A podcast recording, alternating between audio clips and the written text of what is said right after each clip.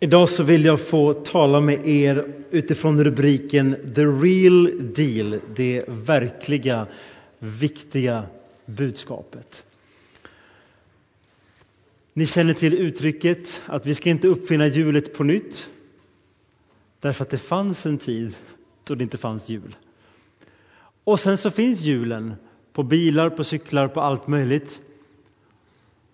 Och det är egentligen så radikalt, men man tänker knappt på det naturligtvis, för att det är en sån del av vardagen. Men tänk hur ditt liv skulle se ut utan jul. Det skulle vara en väldigt skumpig färd till kyrkan, bland annat, etc. På samma sätt är det med ljus som lyser. Kyrkan har ju många ljus ofta, och det har vi även idag.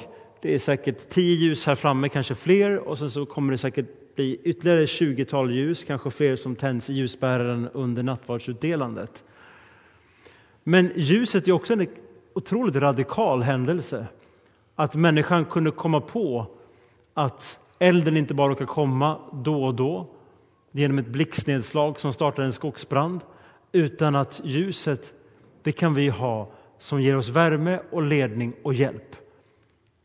En otroligt radikal sak. Men den är så vardaglig, precis som hjulet, att man knappt tänker på hur stort det är. Och när, Jesus, när kyrkan säger, när Bibeln skriver att Jesus är världens ljus, då kan det lätt för mig bli, ja, ja, det är vackert och sött och gulligt och lite värmande och, och mysigt och vi sitter i ring. Och så glömmer man bort hur otroligt radikalt det är att kunna sitta i ring, därför Bibeln säger där två eller tre är samlade så är Jesus mitt ibland dem. Att ljuset som man tänder gör vi för att det är en påminnelse om att Jesus är världens ljus. Och att det här budskapet det har en gång förändrat allting som du möter och ser. Världen hade inte överhuvudtaget varit sig lik utan Jesus Kristus. Och han är helt central och idag så vill den här söndagen, kyndelsmässodagen, påminna dig om radikaliteten i det mest vardagliga ljuset. Så häng med, för jag vill få visa för dig idag i den här lite längre texten som Bodil läste hur otroligt tydlig och knivskarp och utmanande budskapet om Jesus är. Och det är därför jag skrivit som inledning för er att den mest radikala bilden, att det är ljuset. Och vi läste att ett ljus med uppenbarelse åt hedningarna och härlighet åt ditt folk Israel. Därför det fanns en tid då det inte fanns någon uppenbarelse för dem som fanns utanför det judiska folket. Då kunskapen om Gud var begränsad till honom, att man tillhörde det judiska folket var född av en judisk kvinna och ingick i det förbundet. Men det fanns också en tid då det judiska folket inte hade någon härlighet utan de fick kämpa otroligt mycket och fortfarande gör det på många sätt. Det första som vi märker idag, som jag vill betona för er, det är att den helige Ande är verklig. Den helige Ande är verklig. Det stod ju så här när vi läste, och ni har bibeltexten på baksidan när man vill titta på texten lite närmare, men sex rader ner så talas det om den här mannen Symeon som hade väntat under lång tid på Herrens härlighet, det vill säga att få se Messias. Och i slutet av texten så säger han, nu har jag äntligen fått se Jesus, nu kan jag gå och dö. Nu är liksom mitt livs mening slut. Det viktigaste för mig att få möta Guds son, frälsningen Messias, när det är ett check, då har allting annat hamnat i ett helt annat perspektiv. Och det kan jag möta även fortfarande i vår tid, att människor som när man mött Jesus, tagit emot honom och säger jag vill följa honom, leva med honom, då blir liksom allting annat sekundärt. Till och med det som är högst och störst blir liksom på andra plats, hur fantastiskt det än är. Det är inte som att det mister sin härlighet, exempelvis livets skönhet eller att uppleva kärlek, att uppleva Eh, glädjen och ljuset som finns kring barn eller hoppet, det behåller sin storhet, men det byggs en helt annan storhet över det högsta och det största. Så när du ser din vackraste solnedgång eller ditt livsmåls mening uppnås och du tänker nu står jag på toppen av berget.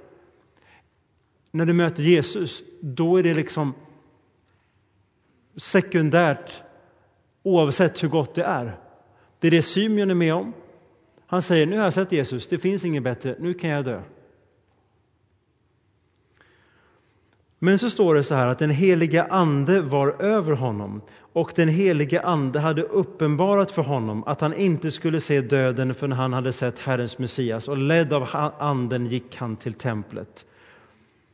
Och när föräldrarna kom in med barnet Jesus tog han barnet i famnen, prisade Gud och sa Nu låter du din tjänare gå hem i frid som du har lovat.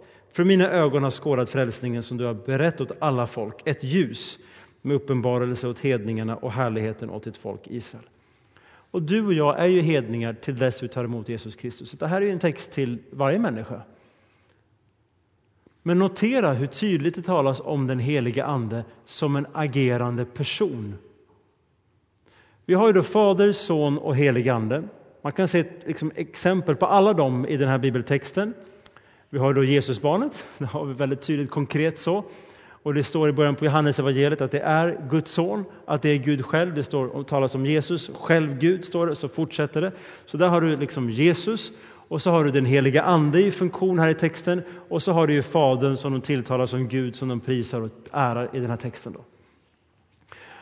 Och notera för, för, för dig själv här nu att det står att den helige Ande var över honom, uppenbarat, det vill säga förkunnar, talar, berättar och leder och, och liksom en diffus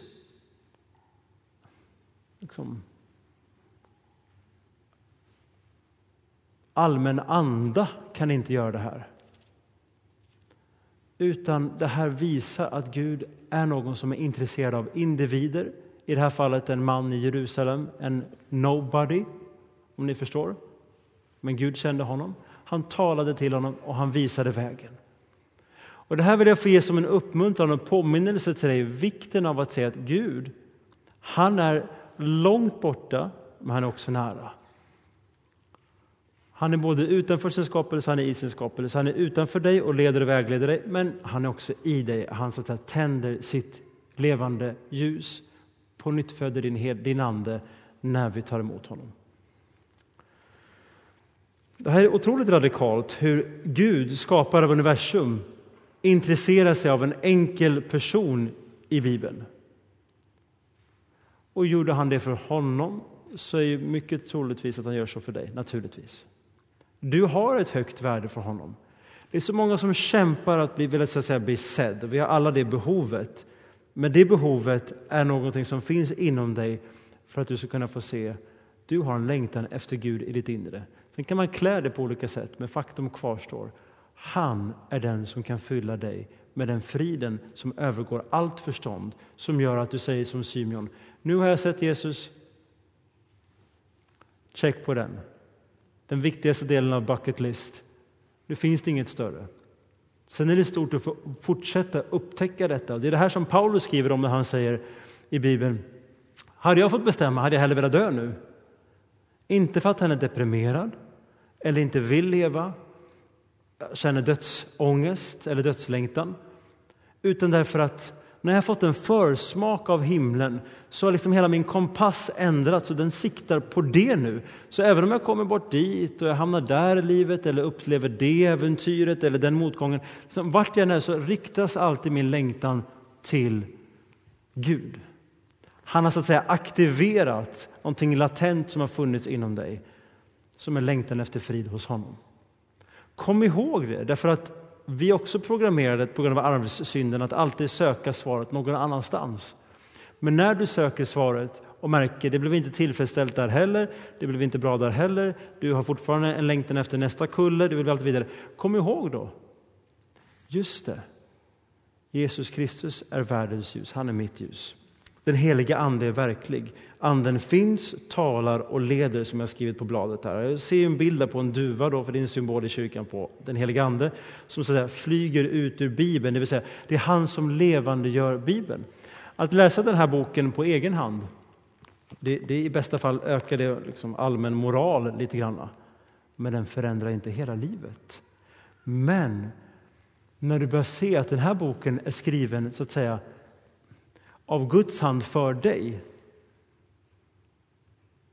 då blir det ju intressant på ett annat sätt. Jesus mötte människor och han möter mig. Och därför har jag skrivit så här att förnuft i samklang med Guds ord och ledning ger ett andelätt liv. Du har fått en intelligens. Den är olika hög. Men vi har alla fått ett förnuft att kunna reflektera och fundera. Och det ska du använda fullt ut. Men det förnuftet, om du tar det på allvar, säger också dig att det finns någonting som är större än det vi bara ser. Och det finner du genom anden som finns inom dig, din andliga längtan. Du kan inte bara tänka dig fram till Gud och tänka dig fram till Guds väg. Du tänker tillsammans med den helige Andes ledning, omsorg och vägledning för dig. Du behöver dem båda två. Och när en av dem saknas, då blir det som gungan på lekplatsen, den slår över. Är det, vissa kristna säger, jag mötte en bara för några veckor sedan, Gud gett oss ett förnuft. Vi använder det. Ja, men det är jättebra. Men du kommer ju gå miste om Andens ledning om du tänker att det är bara vad jag ser och vad jag tänker. Symeon blev ju ledd. Han blev inte så att säga transporterad som en form av Star Trek-program, förflyttad ifrån sitt hem. Och så landade han precis där i templet. Att bli ledd innebär att du går. Alltså är det koppling, hans förnuft med den helige Andes ledning. Det är det här som kallas att gå i tro. Och Jesus säger att tecken ska följa dem som tror, medan många vill ha tecknen för att tro. Och det kan man få ibland av Guds nåd. Men när du har blivit kristen och vandrar med honom brukar en del säga, i början när jag var kristen, då upplevde jag mycket mer av att Gud var nära mig och hos mig. Jag kände att han, wow, och det var konkret och det hände det här och det här häftiga och jag fick ett tilltal från den personen kom och jag fick ett ord där. Och, men nu har jag varit kristen ett tag och det känns som en öken. Och då är den kristna traditionens erfarenhet är att Gud fick dig på banan genom sin närhet för dig. Han var övertydlig för att du skulle lita på honom. Men nu vill han lära dig att också gå i tro. Lärjungarna vandrade tre år med Jesus hand i hand. Sen försvann han. Han försvann inte, men han återvände till himlen. Vad gjorde de då? Som många nykristna gör. Nu känns det som tyst och tomt. Gud är inte här, då gömmer vi oss. Men sen kommer den helige Ande och de fylls av tro och de ger sig ut på en livsresa. 11 av 12 av lärjungarna blir avrättade för sin tro, men de säger det är värt det. Därför, liksom Symeon, när jag har mött Jesus, då har det byggts en helt annan topp på det bästa i livet, så att mina ögon har sett frälsningen, nu kan jag dö i frid. Och då får man den här helt övertygelsen som inget kan hindra. Och det är det här som gör att totalitära stater och liknande inte uppskattar kristna människor. Därför du kan inte styra och ställa över dem. De kommer alltid vilja tjäna Gud mer än härskaren. För samtidigt som de gör det så är de alltid ofta de mest laglydiga medborgarna i ett samhälle, vilket skapar en konfrontationskänsla. Det är inte som en liksom, radikal grupp som försöker störta staten, utan här är människor som bara vill följa Gud i frihet, i lugn och ro, i stillhet, följa lagarna ofta bäst, men ändå klarar makthavarna inte av det. Varför då? Därför att det bästa i livet är inte tillfredsställande nog. Man behöver någonting mer om man har funnit det i Kristus. Det hjälper inte hur mycket trygghet samhället ger eller kontroll. Den kristne är alltid fri ändå. Och det är en nagel i ögat. Det behöver inte bara vara en totalitär stat. Det kan vara även i skolan, på någon annan plats, på arbetsplatsen. Människor blir irriterade och frustrerade över att du i all din enkelhet upplever frid. Och man kan inte styra och ställa. Därför du har fått skåda frälsningen. Den heliga Ande är verklig och levande gör Gud för dig. Det andra är att Jesus är räddningen för alla. Och Det här är en annan sån här äh, mycket radikal sak som jag vill att ni ska få bli påminda om idag. Det sägs ju här att Jesus är ett ljus åt hedningarna, en räddning för judarna.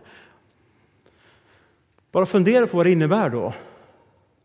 Då innebär det att Jesus är för alla, men alla behöver också Jesus. Det går åt båda hållen. Och Jesus sa själv, och jag läser från Lukas 24.47, att omvänd er, följ mig, tro på mig och det ska få syndernas förlåtelse för alla folk. Jesus är för alla människor. Och då finns det det som ibland sätts upp som ett problem, det vill säga, men varför skulle de som lever i en annan kultur än våran behöva bli kristna? Varför ska man missionera människor som inte är kristna? Varför ska vi berätta om det glada budskapet för människor som inte har en kristen tro? Kanske till och med har en annan tro. Varför? Och då, då har det liksom snurrat till sig i, i sättet som vi tänker rent logiskt. Därför det är inte varför måste de, utan det är också de också får del av glädjebudskapet. Har du mött frälsningen, då vill du att andra ska få tag på det.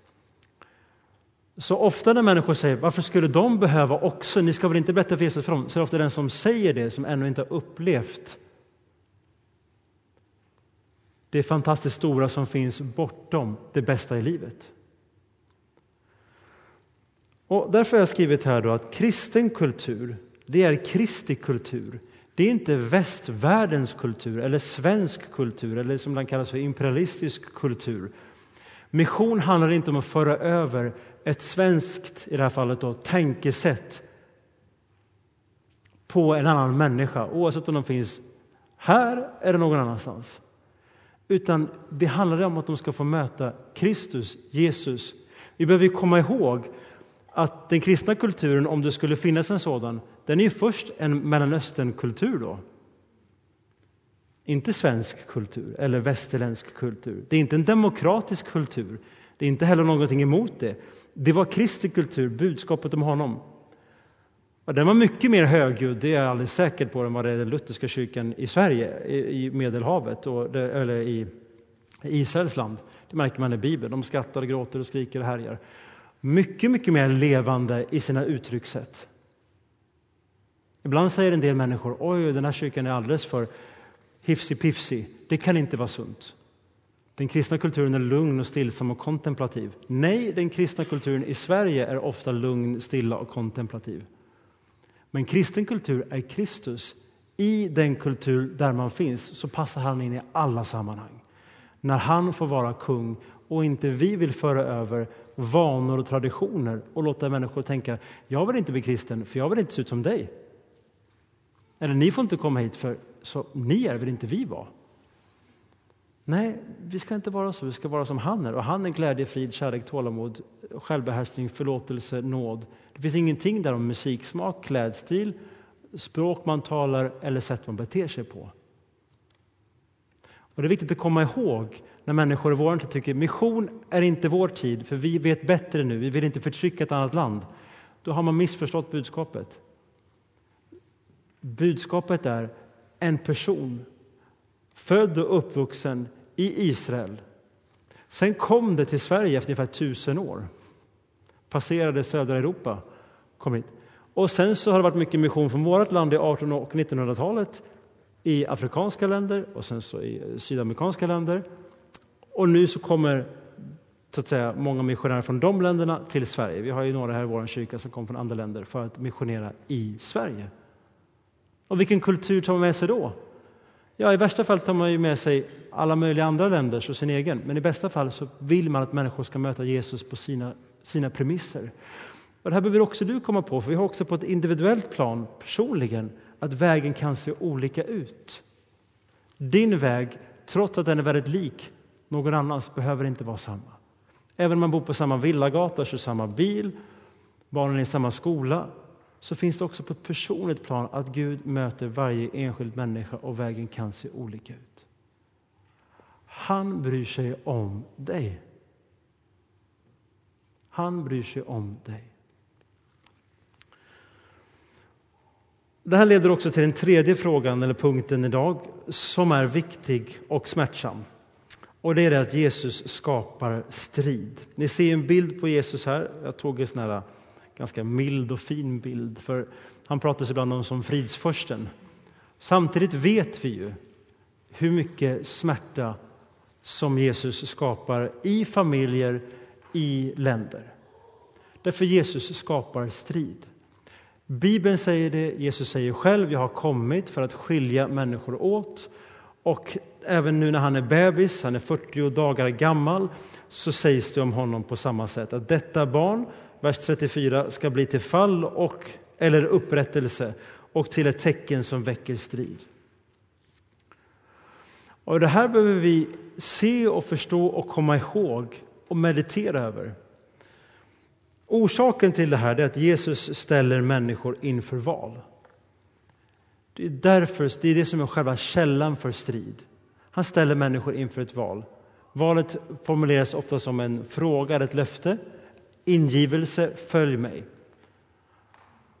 Och så är det en del som inte vill följa Jesus, fast de vet att de borde. Och då blir det som, du vet, man har en sten i skon. Man vet om att det finns en god väg, jag vill inte gå den. Det skapar en grundläggande frustration och irritation. Och i det mötet med vissa andra kristna, då kan den gång på gång bli som accentuerad och blossa upp. Så sin eget sökande som man har sagt nej till reagerar man med irritation mot andra som har tackat ja. Det är ett vanligt skäl. Det andra skälet är att man säger jag vill följa Jesus. Och så börjar tankemönstren, beteendena, moralen, etiken ändras. Och så har man familjemedlemmar och släktingar eller vänner som säger Vad nu då? Ska inte du vara med på det vi brukar göra? Tänker inte du haka på på det? Vad håller du på med nu? Känner osäkerhet och rädsla. Och det har jag mött på nära håll och följt människor, ett antal. Det händer regelbundet. I den här kyrkan under de senaste åren så har jag haft människor som varit gömda och fått byta namn och efternamn på grund av att de blivit kristna och familjen hatar och avskyr det. Människor har fått lämna den här kyrkan och flytta till annan ort under ny identitet på grund av just detta. De har inte förargat någon förutom att de har följt Jesus, men Jesus skapar strid.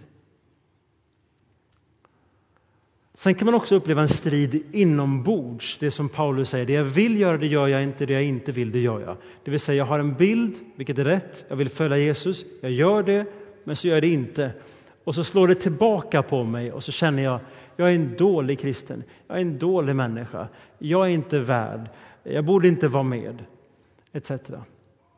För då pågår en inre strid och den striden behöver vinnas av Jesus som säger min nåd är allt du behöver. Min kärlek är allt du behöver, mitt beskydd är allt du behöver. Min omsorg är allt du behöver, mitt tålamod är allt du behöver, min heliga Andes kraft är allt du behöver. Och för en del pågår den här striden hela livet, jag vill på alla på något vis. Men för, har, har du nåden så kan du få komma till liksom, att inse att du behöver bara få ta emot från honom.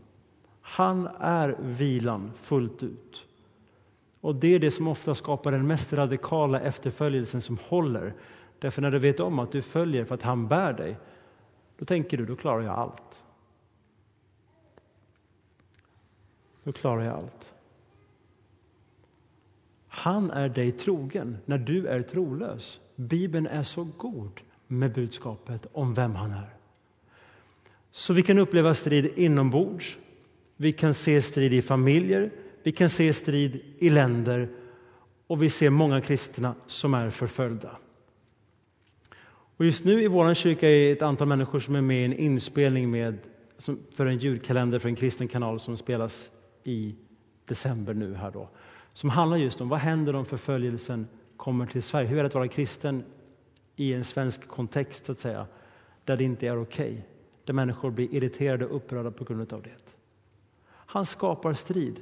Men det jag vill få säga till dig är att följden kan bli yttre och inre konflikt även om Jesus är fridsfursten. Allt är inte guld och gröna skogar. Vi vill gärna läsa där det står i Apostlagärningarna kapitel 2 att allt folk tyckte om de kristna som det står i början där. Flera tusen kommer till tro. De var omtyckta av allt folk. Wow, underbart. Så är det. Yes. Men läser bara några verser till så står det att de blev förföljda och alla blev skingrade och två, tre tusen människor fick fly och lämna sina hus och hem och blev jagade till liv och lem och dödade och satta i fängelse. Samma grupp människor, bara några veckor senare. Vad hade hänt? Jesus skapar strid, men han är friden i striden. Men du, har jag skrivit här, ska inte vara källan för konflikt eller skylla på Jesus. Bibeln säger stå inte i skuld till någon förutom i kärlek. Det vill säga, du kan aldrig förlåta någon tillräckligt mycket, aldrig älska klart någon eller aldrig säga att nu har jag gjort mitt. I'm out of here.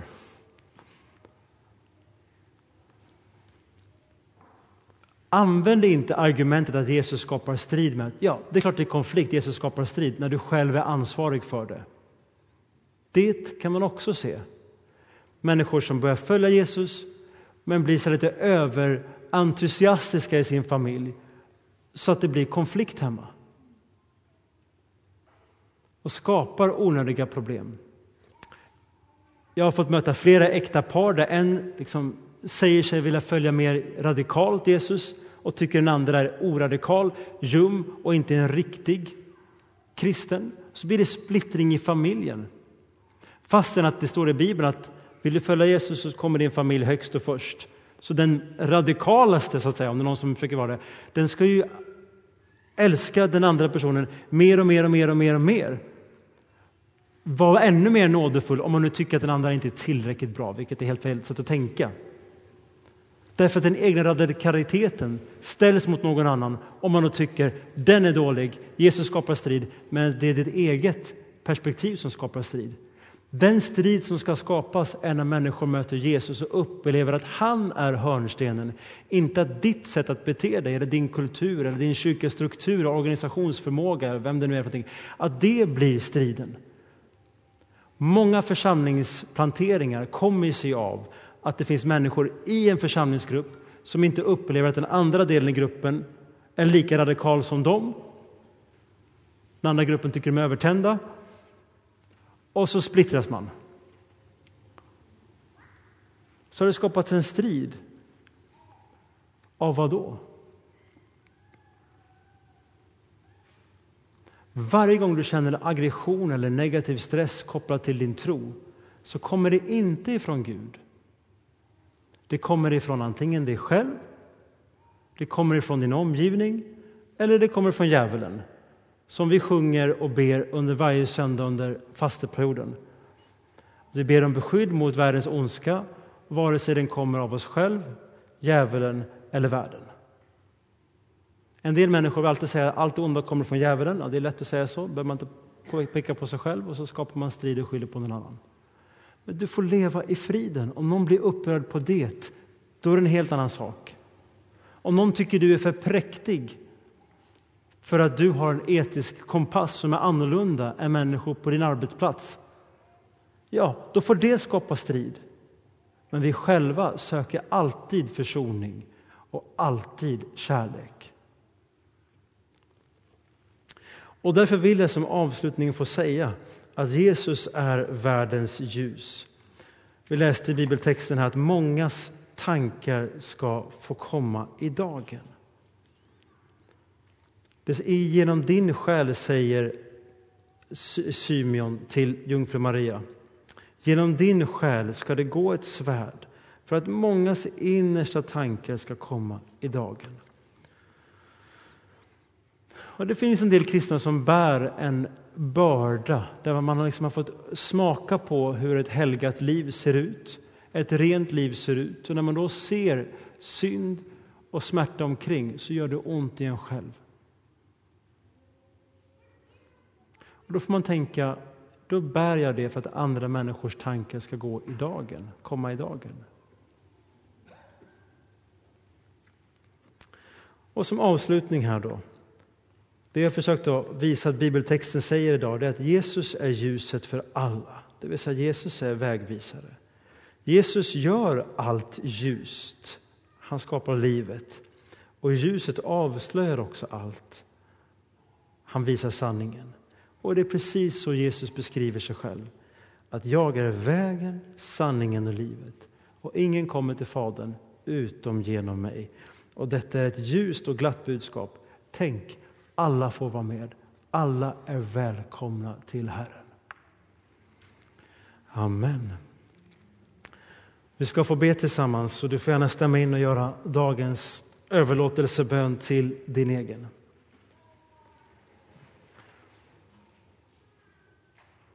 Gud, öppna våra ögon så att vi ser ljuset i Jesus Kristus och tar emot honom som livets ljus och låter vårt ljus lysa för andra. Amen.